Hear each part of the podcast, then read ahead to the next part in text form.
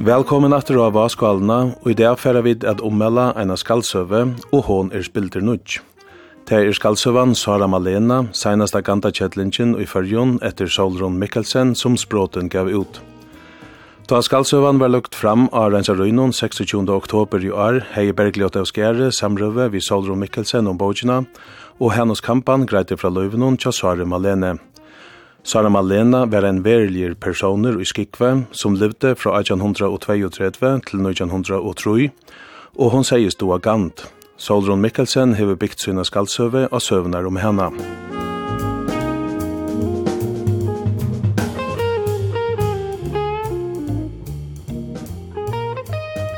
Det var beinleis banda mykje fyrir i tøyene at vera kvinna, tøy du kunde vera skurt heks og brent av bale.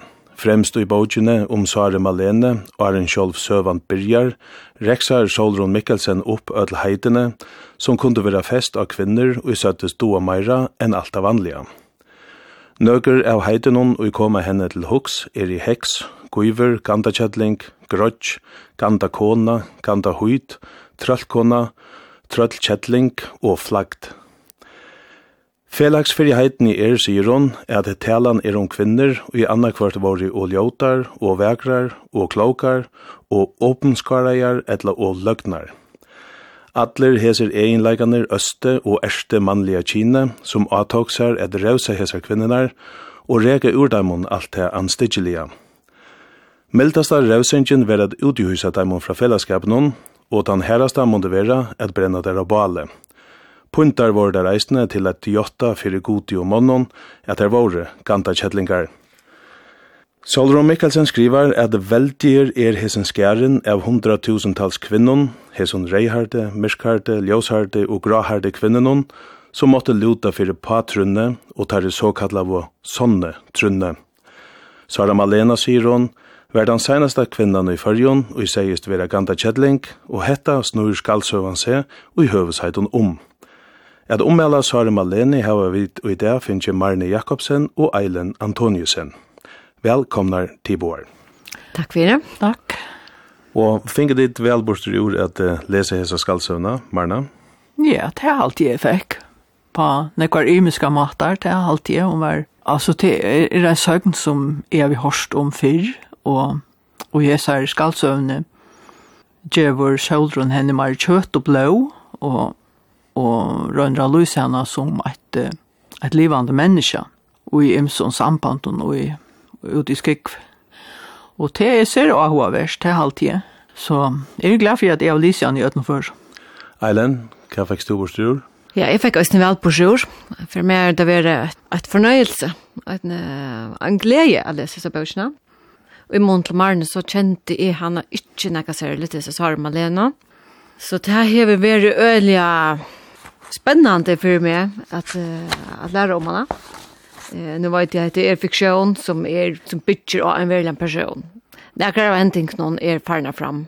Men eh, annars är det Eller avaverd bok, ja. Ja, Solron Mikkelsen som hever skriva skalsøvna om Sare Malene er født i 1948 og gav ikkje sitt fyrsta versk ut før hun var 45 år gammel. Det var badnabogen Arja Frensar. Så igjen kommer flere bøker i nøyt i årene, begge søver og iskinkar, og skaldsøvnar heva vært flere setten i årene, medlanda en totter i silver fra 2019, en annar i gull fra 2020, og faver ferdreien helt slattan fra 2021. Solro Mikkelsen fekk badna mentanar viruslønn Torsanar Bøyros i 2002 og Emma Jakobsen viruslønna fra Torsanar Bøyra i 2008.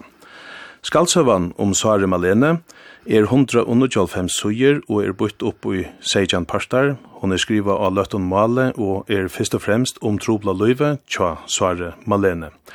Fremst i hverjon kapitlet er det fragreiengar om alkjens vidskifte, som er skrivajar vi skraskrift. Hette er det definisjoner av til dømes hva ein søva er, hva ein jenta er, hva natura er, hva ein tjonale er, og så framvegis. Hesar fragreiingarnar hava samband vi kvann parten av søvene som vi koma til, så at han hatt djeva der goa meining. Marna, arm vi koma til skalsøvna sjolva, hette fyrsta ferien at du vært vi og i sendingen her av vaskalene. Hva var man der i behøver er det ommelda? Altså, er det er nok så bensje for ommelda. Oi. du vet, bygg var jo en luttland lande, og det er øyne viktigt att um, det sensurera sig själva i en liten land tror jag at man man vill helst inte alltså jeg vill helst inte støyta nekran framar tror jag att jeg alltid er så tjurslig upp till folk som skriver skallskap. Men i veien så, så hade det är öjliga, öjliga viktigt att man ommelder ärliga. Tror jag att är halde kanska att rithönten kan kanska bruka det till ett först hvis han jo tøymer å lese om alt, jeg vet ikke så ikke, det er opp til hver eneste. Men det er nok så trobult alt det er, men det er øyelig avverst. Så man, man, skal, man skal vanta seg om årene og då sier tingene og, og vana de her var sort glimt i eian noen, så, så man ikke blir alt for sjølvrattvis og såleis. Og Eilen, hva damer til her? Det her at kom i utårstående er omellan. Men damer det ikke særlig vel, da må jeg si. Men damer bedre at området der, kanskje. Og det er nemlig at hun at uh, mer damer ikke så øde vel å finne feiler, man kan si at det er så løs, eller at uh, kritisere verskjøren, eller at uh, sette verskjøren i bas, eller sette stjøttene til dømes. Men uh, det er sagt, så er det pura samt, vet du, som Marna sier, det er jo litt tutninger mye, at vi har om alle det Det er øyne et slag virkjenning av verskene som kommer. Og hvis jeg ikke nere ommeldet det, så var det lukket som at, ja, så, så just det er ikke atter. Altså, annet enn hjemme i stående og folkene, et eller annet. Ja, det var bo av ritstjører og er ritstjører. Eh, det er ikke av ommelde som til djeva handrit og årene det kommer ut. Mm -hmm. Hvordan fungerer det her, Marna? Ja. Alltså jag vill rist jag köpa åt allt när kvar men nu är det ju så hemma som man själv var men är är arbetar stadväck vi rist jag men nu är det bara så att FI fyrspåringar från folket. Och som oftast är det vuxna manna texter, inte som fyrtar det mest bad bad ung. Och ta fyra gånger på tamma att hantera så ping pong i mitten med och rita undan. Alltså i läs tillfälle och Og vi gjør det ut fra bøkmetalli om kriterion og sier hva det er alltid om hett og hatt. Det er godt og minne godt. Og så er det opp til rytøyndan om han teker vi. Tog som jeg sier, tog jeg til øyla viktig at man, man veit at det er ikke rytstjøren som vil skrive bøkene, men rytøvendren. Så det er vikmante som ska standa vid det som han vill skriva och inte det som är sig att han ska skriva. Och här var det under trubbelt vi att täcka vid Ravon? Nei, det er aldri ikke. Altså, det er, jeg halte da, nu vet jeg ikke ordentlig, kanskje tås tala for ødel, men altså, jeg halte at etter hånden er da, blev en brøy, blev en brøyting i fyrjon. Altså, før det da var så som, tar vi okkara malve, så øyelig ungt, at uh, at vi var glede for bare at det kom akkurat ut av førskolen. Mm. Tog vi mangla oss så rævlig av nekva akkurat ekna male, og ta var vi kanskje ikke så oppså på at uh, det skulle være så fantastisk godt. Men nå er det krøvene blevet nekve hakre, og, og flere av førskån rytøvntån ble tutter til andre mal, og ta er det lukka som, ta må kriteriene være sin rørvelse. Mm Så jeg tror jeg vet at jeg finner sånn ekvann kan førskan skallskap nå etter hånden så, så halte jeg at rithøvndar teka vel møter en rithstjø. Det vi halte jeg som halt at jeg har opplevd hva sier. Og Eiland, du er en rithstjøret til Noamme. Hvordan er det her at rithstjøtene? Ja, nå husker jeg ganske vidt arbeidet sin i mest. Det var de utgavene som, som vi arbeider vidt er ganske langere av vi er Og at det er, altså maten man arbeider på kan være øyne ymskor, at um, man blir en pars kan skal øyne gjøre oppgave at rattløse. Man kan ikke arbeide øyne tatt som samaritanen om at det er skapa teksten. Og i øren for så er det øyne samskipande øyne i måned til mitt arbeid i er at, at oppgavene øyne kunne være fundamenter, eller mm -hmm. at uh, gjøre ivelit av imskonsle. Altså øyne er praktisk øyne. Og tar du og leser en av sånne skalse som Sare Malene, leste du henne så vi är og kjønner ritt stjørreisene? Nei, det er ikke, nei. Du vil bare være underhilden ta? Ja, faktisk. Altså, jeg regner her var så åpen sinne som jeg overhøver katten, altså. Jeg er sikkert en av dem som helt ikke leste noe særlig åren, bare for at jeg kan få, få min egen oppleving først. Musikk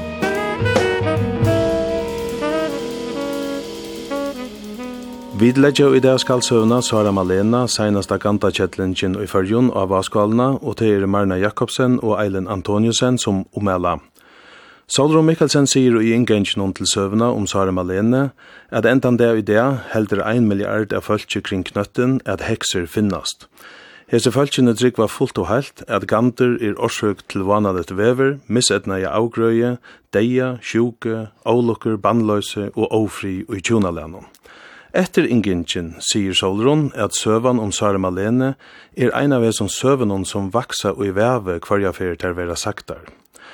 Ta hon hever stafest hetta byrjar sjolv søvan, og vid fratta er at Sara Malena var født 25. oktober i 1832. Elen Mikkelsen leser her byrjanna. Sara Malena Gottormsdatter Ikke sa hun ut av nekvån når jeg døyre, ta hun kom i heim så usalli og skramot at hun ytla orska i agrata. Her kom hun bare noe veik jo fra henne. Papen, Guttormur i Heimaragere, Sonne Sjaru i Heimaragere og Mitchell av Sonton av Sante, og mamman Bittla, døtter Mitchell i Døymon, helt det tog at best måtte være å få jentene heimadøpta som kjøldast. Hetta hendte trutjar det er skjøttene. De hava rymelig ved bensjen om henne. Doperen var stafester i Skuajar kyrkjø 13. januar 1833. Det heve så veri første ferien prester heve veri i øytne tannveteren. Bittla og Guttormor finke fyrst tvei bøten og i bægi var dei født. Nå hadde de mist vånene om å gjøres forelder, var det bare færen om de fjørete, så gleden til Bittla var stor, da de finko hese lytte jentene, og flere enn henne og var oppkattlet etter ommene, finket de ikke. Sara Malena var et trobult baden. Hetta vi at hon var så veik at hon ytla orska jeg grata, bøttes som fra lei. Hon græt nekv og harsht og var ofta sjuk. Foreldrene finko ikkje blond i egene fyrjene og bytla miste kjøttmjølkjene. Best hei helst veri om at a luttla orargrelle for sama ve som hinebæge taida no bæri er en jenta korsene motla i gottormur som innelige hei ingsar en sån.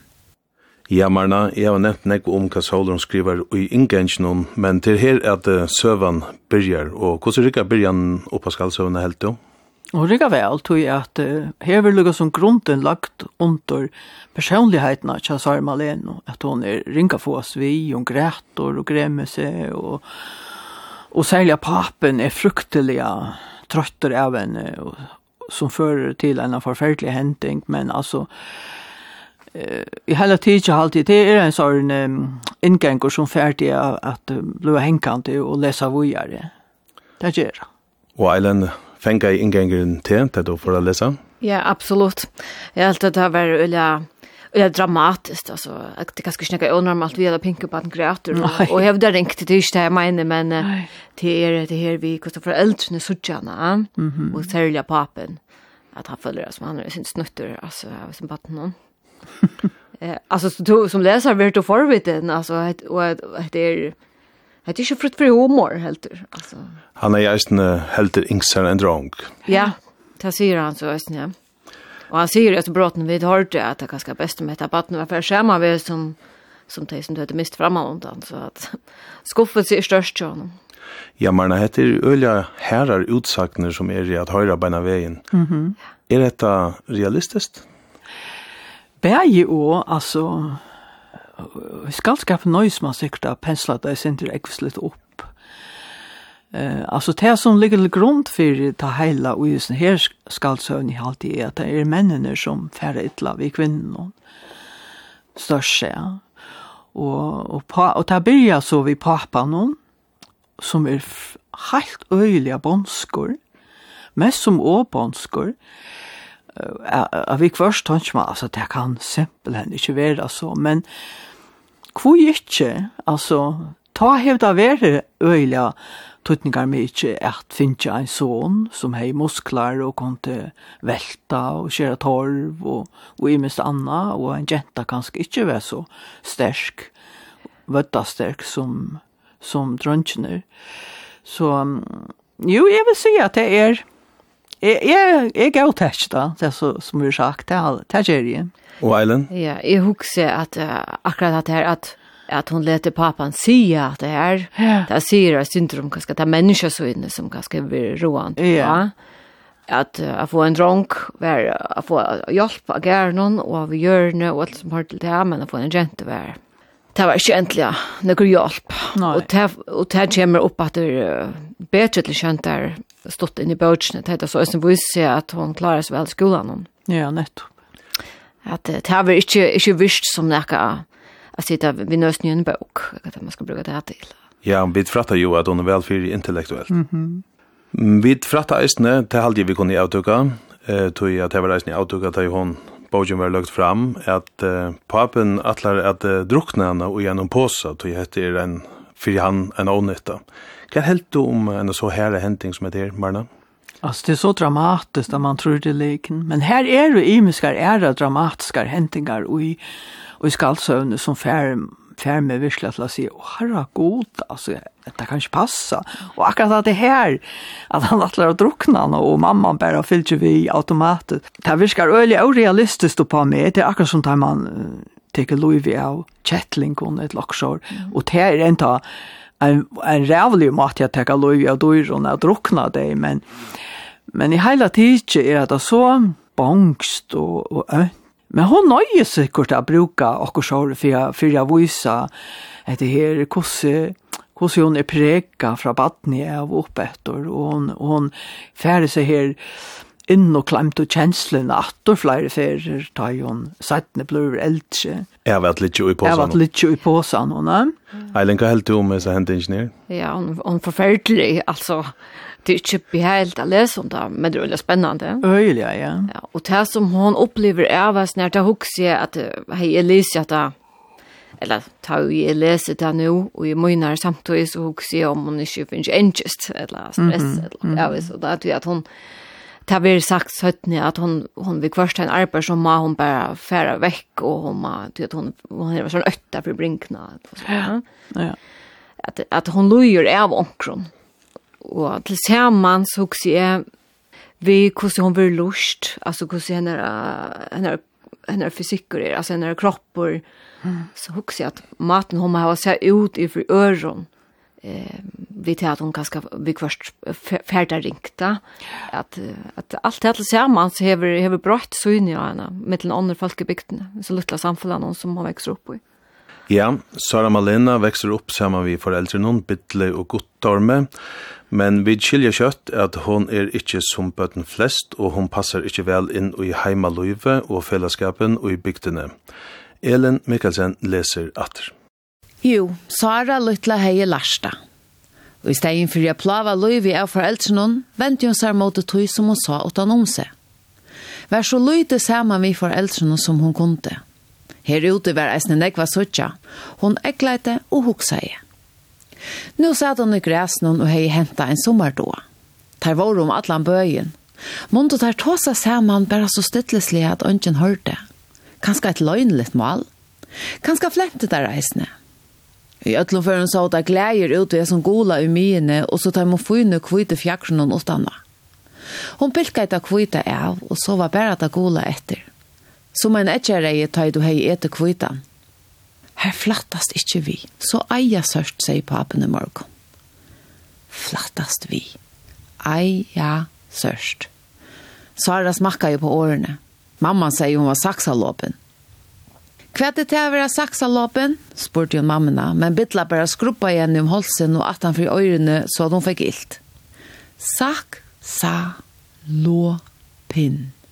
Hatta vi saksen hon fikk han å hokk om den ringa morgenen ta hun ei klippt hål ut trøtjene av mammene. Her borste spalte bøtnene, men de vil du ikke hava vi. Nei, du slipper ikke vi, du spittler alt du spjale, søtte deg. Men ta hun ikke tømte meg, så tømte hun ikke, og gjør det som hun selv ville, og ta dem til dem hun ikke. Ja, Eilen Sara Malene er saksa låpen, henne vil ikke hevna vi, og ta hun ikke tøymer, så gjør hun som hun selv vil. Mm. At være et vilja størst baden, er det et avavverst tema som vi så ikke her? Ja, altså det er så avgjørsen egentlig ikke hun, hun hever og som nok styrker fætene av, av henne søttene, som at hun hever, hva sier man, hever, i naturlig evne, kan man si, ja. Men her er hun ung, og her er et, et øyelig godt døm i bøtjene her som hun sitter og hukser, at vi får, vi får vite hva gang fyrer seg i, i høttene og henne, og Og vi får innlitt i hvordan vi tåser vi henne hjemme. Det har vi ikke gått hål vi henne, og det sier ikke noe pen ting vi henne och at hon klarar sig ganska inte så väl sosialt med viner, och det var ofte lagt under att at jeg lett ikke spille hvis hun ska være vi och hon vill ofta det på så matta så hon er en, en roarik jenta Ja, etla hever hon bare sin egna vilja, og et det ikke løft, Marna? Jo, jo, det er det. Og jeg har alltid eisen det er nok så greit at Solron skriver at hon er faktisk nok så gløgg, og, og tog hever hon sin egna vilje, hon hever sin egna mening om tingene. Men altså som baden og, og ta hon spelar og røyner og spelar vi hinne, altså är halt at att kommer nok så greit fram at hon er så ytla vifferen heima vid hus. Mm -hmm og hever mamman helt ikke som när han förbundsfälla igen mamman ligger runt och fyra pappan och det är han som avgjør alt inni her.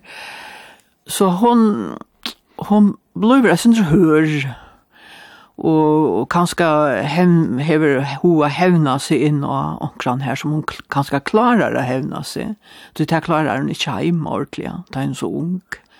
Etla flutjar hon og sitter ute og halar. Ja. Et her kvita og sommardagen. Og... Ja, ja. Og her, her lyser hon så at en, en annan egenleika vi henne, at hon er, er nok så poetisk, altså selv om hon kører et bløyn, ja. Av sommardagen så sitter hon og hoksar om plantorna, om, om, om det här här var lov och om det här huxa och tossa och så. Så, så man får lukka som en, en annan, ett annan, innlit i hennara lov, enn bære det her bonska. Eilen male i søvne, Charles Oldron, hvordan er det ham og i Hesebogene? Ja, jeg har alltid det er skifter og synder. Vi kvarster det at synder gammalt litt, altså et synder som ber bra av av en gamle tekst, ganske av en sjøkken eller noe. Ja. Men i støvene er det også nøyla livant, akkurat som her tar vi lese om om Sara Malene som baden. Att ta er, ta skiftet där, jag inte som att det är eller livant. Alltså tankarna är som Joanna Smargento. Och en, en, en, en klokare Smargento ganska. Alltså, eller if I, if I inte ser att det är en genta vi, vi självinsikt, om man kan säga det så. Alltså hon, hon reflekterar över hur, alltså vad det är som föräldrar ser vi henne och hur hinner göra som de gör och, och, och hur hon vill det som hon vill. Ja, nettopp. Ja. Ja, Marna, hvordan lyst du uh, skrivestylen? Tja, Solron? Um, er det sant vi eilen at uh, ångstene er da jeg synes det gammast litt, og, og til særlig og i fyrstene i halvtid, Eh, ikke som helt, men, men vi har hatt han bruker sånne gåmålår som bruk og brøst og imest annet som er ikke alltid er nøyot og jeg nå til jeg skal så heldur kunde man sagt att ta du fortäller så kan du fortäl fortälja vid en äkna nutermale men helt och ta du så letur falskene tåsa saman, så letur du deg tåsa saman, så som det eventuellt var tåsa, ta jo akkjandra til og det var det så ikke skulle tåsa, det var selv som sikkert eldre men, men altså man kan gjøre mån og, og fortelle og, og beinleis talen. Men så halte jeg korsene, det er bare, altså, i, i byrjan av bøysene, så halte jeg faktisk at uh, malet ble lattare og lattare jo langer ut og kommer i bøysene, det vil jeg si, Ja, Ja, det vil jeg østen si, at da kom det Petter, så hokset faktisk ikke om det mer. Nei, så det gjør man ikke. Så det er ikke noe som er åregvar sjøvna? Nei, ikke, absolutt ikke. Nei, jeg husker Eilen, at bruka eldre år, ta da nu fer fram og i 1800-tallet, kan det ikke eisen djeva søvne nega av to i gamla? Nei. Jo, det vill jag faktiskt säga att att hatta ett, ett ampo som de brukte ta ett vad det er. Alltså det kan kan vara några läring ut i ösnen. Marna? Mm. Nej, ja, ja, det vet jeg inte. Jo, självant det hun gjør det för å skape en stämning, det är da klart. Ja. Men jag vet inte om det er så nøy att vi så sånn gamle år. Jeg, jag vet ikke. Nej ikke ordentlig sikker på det. Ja. Vi da var tås om Guttorm papan, og han fer ikke vel vi Sare Malene. Han sier at hun er ljød, at hun er årein, og at hun er forgjørt, og så framvegis. Er åneg gjørst av her til Guttorme, Eilen? Det kan man frøstast av alt da. Marna? Nei, jeg halte ikke. Jeg halte at han finnes psykopater så, som Guttormer er. Han er sikkert psykopater. Altså, verleggen nok sier at det er en primitiv med. Ja, øyelig. Ja, alltså som uh, i åren och geron och i ätfer och i ötlon. Ja. Och jeg husker det som du som man nämnde Janne om om kvärt och man inte nöjes å gjøre, som hövund ofta at, att att løse kusse extremt det är. Er. Mm -hmm. Altså er det ganske nøyot. At att det dår bare bara att antyda i, i som för. Vi har tås om at hon hever intellektuella dikter til hon do vel i skolan hon, Sara Malena, og hon hever eisne sin egna vilja, og så har vi da papen og ånder ikkje færa så vel vi henne. Marna, du fekst helt greit samhoa vi Sara Malena på henne veien? Jeg helt av synd igjen, og fra byrjan, ja. Men ångt så ta jeg lest, ta jeg kom langt og langt fram, så var jeg synd pissesur enn hon har vi kvørst, altså. Oi? Tog jo mer, hun var så, hun var så øvrein. Jeg vet ikke. Men altså, ta heve Sølron sikkert oppnått det som hun skulle. ja. Aluisana så leis. Ja. Hun var ikke nekka beheile menneska. Ja, nei. Eilen, hever du sam sammoa vi henne? Ja, det er største personen av bøtsene. Og tog at jeg oppfattet han faktisk som en som hei et temperament, yeah. som fikk han i overføre så ofte. Og så tar øyen flei og gjerne, så sender hun en ildbøn. Ja, så henter det meg som, som gjør at ånder knyter til til at, at hun nok var en gantakjettling. Og hun kjenner seg så miskilt da. Det gjør mer og sindre ilt, uh, fløyerstand i bøtjene, det må jeg si, ja. Ja. Yeah. Alltså är kommer ihåg som bara nu, alltså här är det sommar. Det är också ekva passager i boken här man virkeliga tanker och herra gode syntis har kom. Ja. Med en annan tag om vi inlagt av sjukhusen.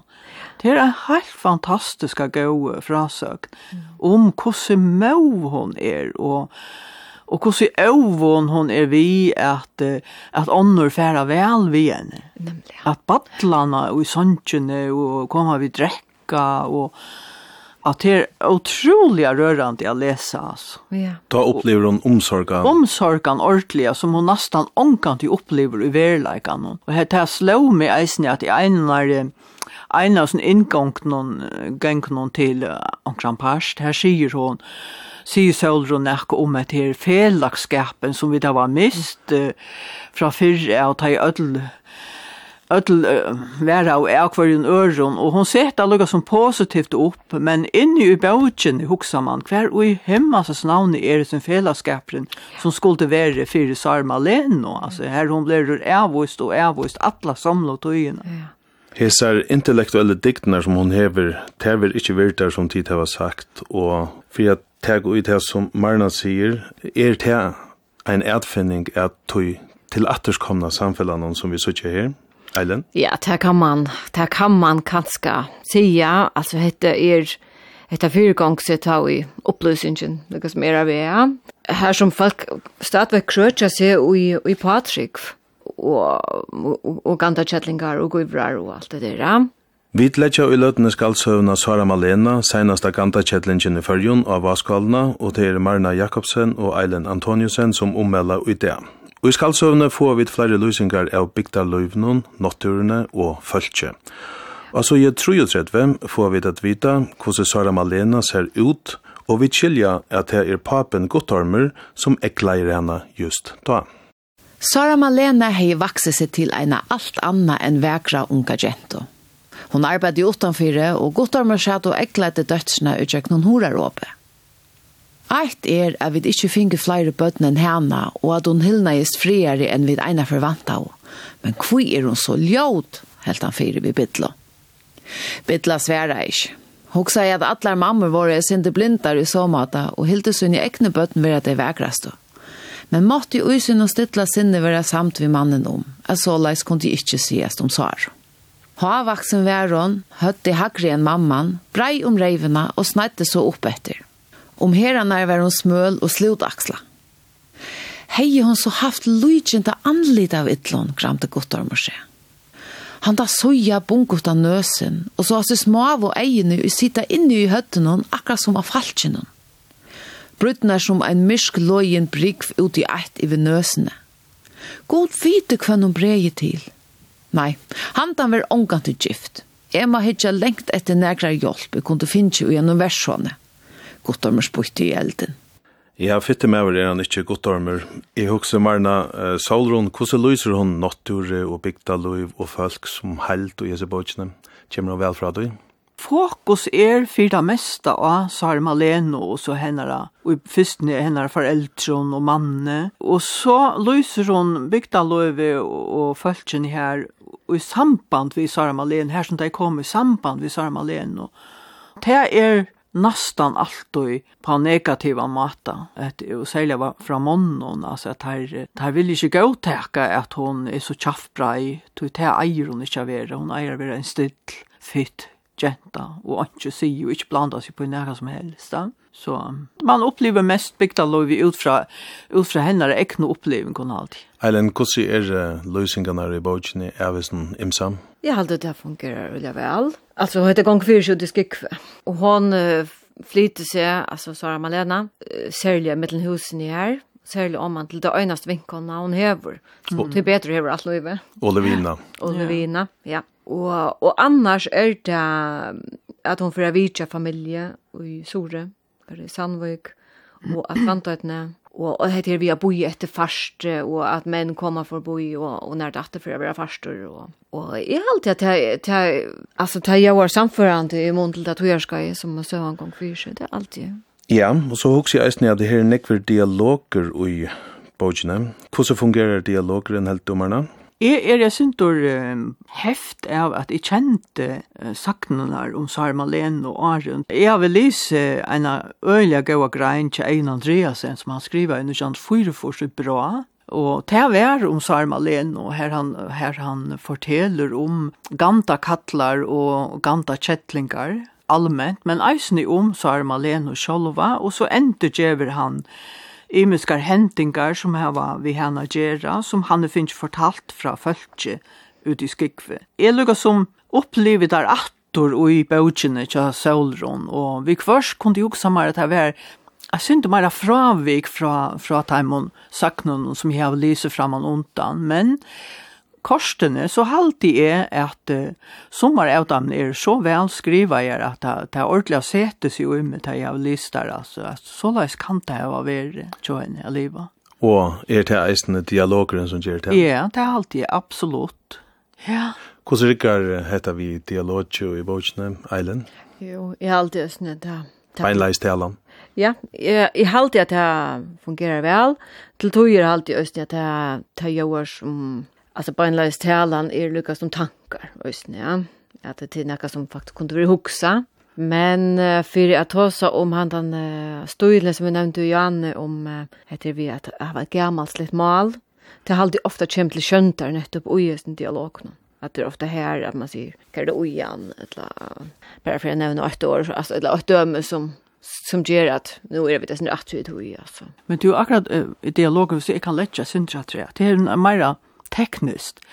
Og det er nettopp det at uh, tegnsettingen er ikke så glad for det. Altså man brukar, uh, hva er det her, tankastryko, mm -hmm. Begge tar et er beinleis dialoger og tar et er tankar. Det er ørskimla med vi først. Jeg visste ikke om det var nekka som ble sagt harsht, eller nekka som ble huksa, og vi først huksa jeg, hva er det som sier disse tingene her? Mm -hmm. Er det hon, eller er det at han hon tåsa vi, eller om? Så det har alltid vært øyelig kjeilet, men det har ikke vi sølrene gärdet, det har alltid en rattläsare at ha haft huktet og, og, og fänka og, og finner ikke enda giva tankene på en annan måte enn vi en tankastryk. Men det er så teknisk näck. Eilen, hva sle er skaldsøv i er dette? Ja, det er en avhåverd spurning. Altså, etter en skaldsøva, Det er det helt vurst ui og vi at det er at det er hendingar og det er dialoger som er gjørter er konstruerar. Men det er bitcher og en, en sannan person, altså en som hever livet. Så er det at jeg synes det er torrførst av bølka. Marna, hva helt du? Jo, er samt. Altså, jeg, jeg do ikke ordentlig at skilmarska kvæt det er en skaldsøla, eller om det er en skaldsøla, det er det nok, men altså, her er sånn, Um, Her er passasjer og som jeg sier nå, at det her er, at det er en søgn faktisk, ikke så rann jeg fikk sjøen, og, og særlig enda noen tar jo en døyr, ble det nærmest fakta kjent, om hver prest og prætikar, og hver hun vil griven, og framvis, og så framvis. Så det er en sånn blanding, men ok, skal så var, det er i grunden bare en lenke tekstor, så man kan løyva seg alt om et himmel og gjør, og Og det har hun gjort. hun er en innleggende fantastiska gøy isching, mm -hmm. for det første som lyser uh, Sara Malene og Øylavel, henne har vi kjøft i Øylavel, og så har hun også her uh, innleingene i kursiv som i halte sita bästa väl vi först och kanske minne väl vi först alltså tog det är er, tar man tåsar om sån ting som att barn är er inte bara barn men att barn är er, och så bla bla bla så kan det öliga lätt blöva till flosklar og slags lomma filosofi, men det er alltid ikke det veri. Jeg har alltid man fjern nok som nek borser ur å lese innleggene, og som du sier jo i byrjan, at det er nekka gjerra vi, vi evne som så vi tidsi opp i kapitlen. Men damer, også vel, han parsten, etter vi er hver parsten vi innløter vi, vi er som teksten som kanskje kunne være sin filosofisk eller så. Mm -hmm, ja. Eh, og det er kanskje fin motvekt til at jeg alltid at at den der søvann er så dødelig hon er så deilig öppen för tolkning att yeah. att hon inte är så avrunda eller locka att det sitter ju spekulerar på att det er liv alltså altså ganta ju alltså dotter hon gant. Netto. Och det är også näka som som är intressant i seg bøtjen, at det är maten hon vil satt. Mm -hmm. alltså det dömer sig så är her här senare ta och hon sast sitta och hitcha det av och och, och måttla ganske eh några sättningar framför sig alltså det är ett synd ogrott. Ja. Och hur hon reflekterar i det själv om hon nu är en jättling. Ja. Så är det visst är. Ja. Och och det ger oss att är som läsare är är selt alltså och ivest eh och på den goda maten alltså. Ja, vi skulle höra ett brott av träd ur bogene, och detta brott er altså i 46. Vi har nevnt at fremst i hver kapitel er en fragreying vi skra skrift, Og fragreingen til fjorda kapittel er om tjonalæge, hon kommer her. Eit tjonarle er ikkje bæra tvei menneske og gjerra skov i anna og gjerra lyfti om a halda saman til degen skille sunder. Det er eisen en kipan som er gjørt for at halda roeleikanon som kan oppstanda ta i tvei koma saman fra horene. Og i øre og mentanon er skilgifter vanligere, her bøtt mer lova borster og må vekse opp vi at her ute bojar onker avviser som einafer skal være tarra mætje. Onker skjer ikkje kommande tjonafella og asøyn for en er altaren og romantiske dreimer være avløster av raslo. Onner tjonarlø er å bære av papoyrnon. Og i gamlundøven slappst du ikke giftast her heima varst du åknarleiser. Kongar og kaisarar hava givet døtterstøynar og bøyte fyrir friar avtaler i grannalond og hava knytt bond tvørst rundt landamørsk vi hesson gyfton. Sjálfur kundar tega seg en akon og træt til vinstruhandar. Somstane hava menn flere koner. Salomon konger hei 600 koner og 300 tjakoner. Ærastane vira små gentor latnar vaksnun og gomle mannen a gyftast vi. Lovliga aldersmarsje er 90 år. Onkastene hava koner flere menn. Onkastene hava koner flere menn, men menn hava ofta flere koner. Marna er henda bogen eisni et strusch rit som talar søkina tja kvinnon som heilt. Ja, det er alltid avgjørst det er. Jeg alltid, det, det er et kjent fire saulron at hun, hun skriver ølanekv om kvinner og leikloten tja kvinnon i samfunnet. Og jeg synes søvelig å se. Så det er alltid, og et av tog som er bitchet av er at hun Hon leter han vera være gløkka, og hon leter han få sånne ganta om ut og kjulta, akkurat som rytan og ideale. Og hon veit meira enn det vanlige menneska veit.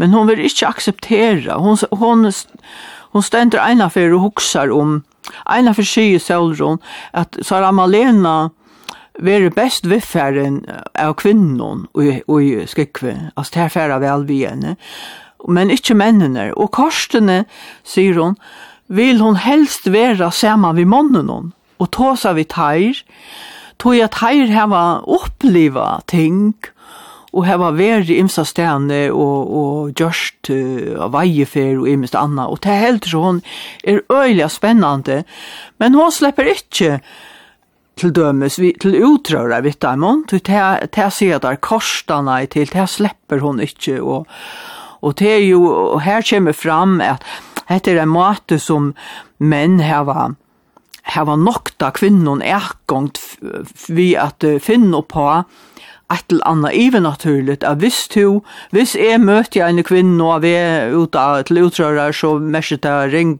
ringe vei og et eller annet ulok. Og hvis en kvinne er ved baten og fyrir åman her som det er halda grunn til, så hender atra en ulok og så framvis framvis. Så man brukar Jeg sier, even naturlig, til å halda kvinnerne skakmat alle togene, så at det, det er overhøver ikke sannhet at det er så, men til øyelige høskande hava det her til at rena vi. Mm. Og det er nekka som hon ikke skiler. kvui er det så.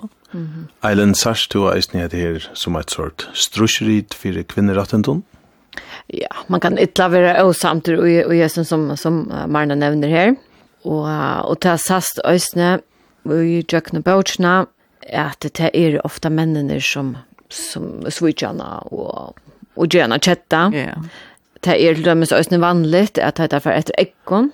Akkurat. At det er så koma til de som er, som, som er ønsker og sjuk, men det gjør at vi vilja at det leipa, leipa henne og hore om. Og det er øyne en øyla punnfull sena i, i kyrkene, det er hun skal altars, mm -hmm. Eh, jag vet hva vi skal avtoka her om det, men... Presteren leipa han om. Han leipa han om, ja. Og, og det er øyelig øyla, øyla sørst for henne, og, og at du hever øyla, øyla, øyla større tøtning i hans tøyene, til jeg fredel alt der svære få syndene fyrtjøving. Mm -hmm. og, men prest, selv presteren leiper han om, ja. og henne sørger det. Ja. Så det er ikke bare ved en avvurs av presten, det det, det er også en skam hun opplever. Så det er absolutt en søve om, om kvinner som er som är undertryckta. Men här lyser hon eisne uh, bygda folk positivt till att hej är och helt uh, skälka av oss ner som är hett. Alltså detta må man inte göra. Ända att han som sitter och ständ, ligger och knä under linjen och han är helt förfärdig som är av den.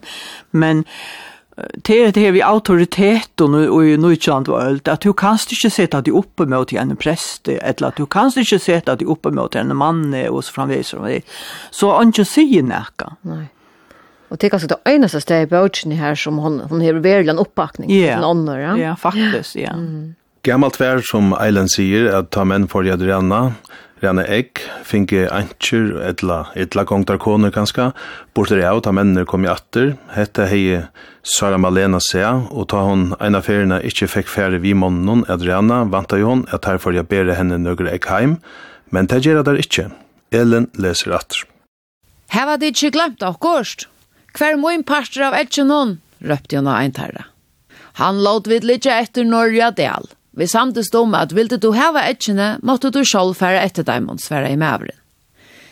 Her åtte ikkje være neka som fåra i terri a koma. Du er ikke bøten som skulle ansast, og så gommel er du heldur ikkje at du ikkje orskar a genka som hine, sier annartæra. Vi tilti heldur ikkje at du er oppe på borna gra men du kanst jo bare ganda der til heim, sier Paul og flentet til hinar. Sara Malena vildi jo i fyrsten ikkje tryggva daimon. Men ta etta gjørdes henne greit at dette var sagt i olvara, gjørdes hun spinnande i å og kjente blåe seta seg opp i hødde. Ikke måtte de komme de kunne sutt fyrir jeg bor med edgen i heim. Til visste vel at de er ytla gongt og mer nøydes til seg edgene og glett meg til deg hei i eisene. Nei, hatta gjørte de du ber om fjernaskapet, men njøte tid bare fondjen. Det er ikke sagt hvordan ekver tikkere som i år har bort etkene, skulle boida det i et annet år, helt om fire måneder, røpte ikke, men tog seg så mye hardt at onker tar og hørt igjen. Og ta vil det så leis til at året etter var det åtta av dem og frieste månen hun ikke til. Ta var der bortstyrkjengner og tarra mittlen bæger sjøyengamennene. Ja, Marna, Sara Malena var ikke gående her, og så kurve mennene. Ja. Hva helder du om alt dette her vi gante noen kjøyene og i bøkene? Altså, jeg, man sier ordentlig at, um, altså, jeg er trygg for, jeg, man sier øyelig ofte, eller sier, at uh, folk som uh, til dømes hadde spørstunga, det var tog at de tåsa så rævlig nekv om alt. Altså, de hadde alt av året. Og akkurat det er det som de søtte, det måtte gjenke ut. Og, og om hon hevur veri årsøkjen til at alles mennene døy, det veit jeg ikke. Hette er det samfunn her, det var farligt å være med vår. Det var farligt å henge bjørken, og det var farligt å være til utråder, og alt dette her. Så at, det, er, det er ikke unaturligt at sånn ekver døy. Og det var eisne vandra mykje for oppkjøkken kleivene i døymon. Absolutt, ja. Eilen, hette her vi gante noen. Ja eh mer damer det ordliga väl att uh, maten tar sett spel och ger. Och och att som hon ösn själv inte vi reflektera om är att hon Eva så alltså här vi är verkligen så maktna. Det vill säga jag har just allt det här så är det är glädje. Han mm -hmm. om brukaren. Ja. Och det är ösn stottligt att hon uh, Jag suttar till kan bøyna fyra, kan være åtta manns her, og gjør en fyrir da fløyre men hon kan inte skaffa sig mat eller gruva sig sjuka bein. Alltså hon är inte te mejna, visst det är man helt rätt. Ja. Eller få ett lokala lokala tjum eller ett lokka. Akkurat. Ja, hon hon hon, hon är inte så så etnosom som när sjuste det är så som. Vi får enda kött, men Marna hva sier hentan søvan om happing og en og lutlom plåse. Øylian. Det som jeg også sier, sier øylian jeg, er at det her tar hon stendur og eggleier bøten spela fuklaspel, og hun ser at eit løyde, ein løyde dronker er kraka, og det er han som alltid vil happa, og ikke vil være kraka. Og ta sier, og hon hever eta imon, og henne damer ikke at, at er for ytla vi som dronken, og ta sier ein dronker, onkur ma vera kraka. Det er alltid er, er lukka som essenseren og hesar her sjøvene her. Det er ei samfella som happar henne bara konstant atlan veien i jøkna. Og hva sier Søvan Eilen om tansalar trea som happing hever visser? Alltså hva kan happing ikke gjøre vi et menneske? Uh, og jeg husker stadigvæk at møvla veranda konan alltid myskilt. Mm -hmm. Og hva kan det ikke føre til ta og du kanskje hever onkan vin Ja, så får jeg takke til kun Marna Jakobsen og Eilen Antoniusen fire at tid komme at ommelde skaldsøvna om Sara Malene tja Solrun Mikkelsen. Den senaste gantakjettlingen i fyrjon er som nevnt under Heidi av bogene, men ta bogen var lagt fram i oktober spurte Bergljot Asker i Høvendan hvor hun ikke helder hei under Heidi den første feministeren i fyrjon. Ja, søvann kan ivalest lesast oppa flere matar, Og hetta var vaskallen hesa fyr. Fyrir teknikkinon stå Rune Esterløy. Vi var atter nasta mikida og enda vi gjennom Lutlum Bråte, Atalia og Skalshøvne om Sara Malene. Vid høyrast. Sara Malena var litjande nekra deir, svev med en parsna av tøyene og kjente seg sindri i ørvite. Hon ferreist i hoan og djøkne løyvsutt som det hei vere. Smeisar djøkne den åglige badendommen. Sata unge jentene sitte her ensamatla vi bøygtun høtte, tøy ongen var tjastatur. Jeg gleide det unge vånrykke konene og toftene av dreimen henne. Stekka jeg langst av i løtene sammen ved Sigmundet. Kjentest vi til eldre kvinnerne vi hører svarskløtter og brynjene. Så altså sjølva litt her i myskenen, bleita og verjelesa. Men hetta var ikkje enden, og Sara kom av føtter etter hovast beinene var åstøv og undrende.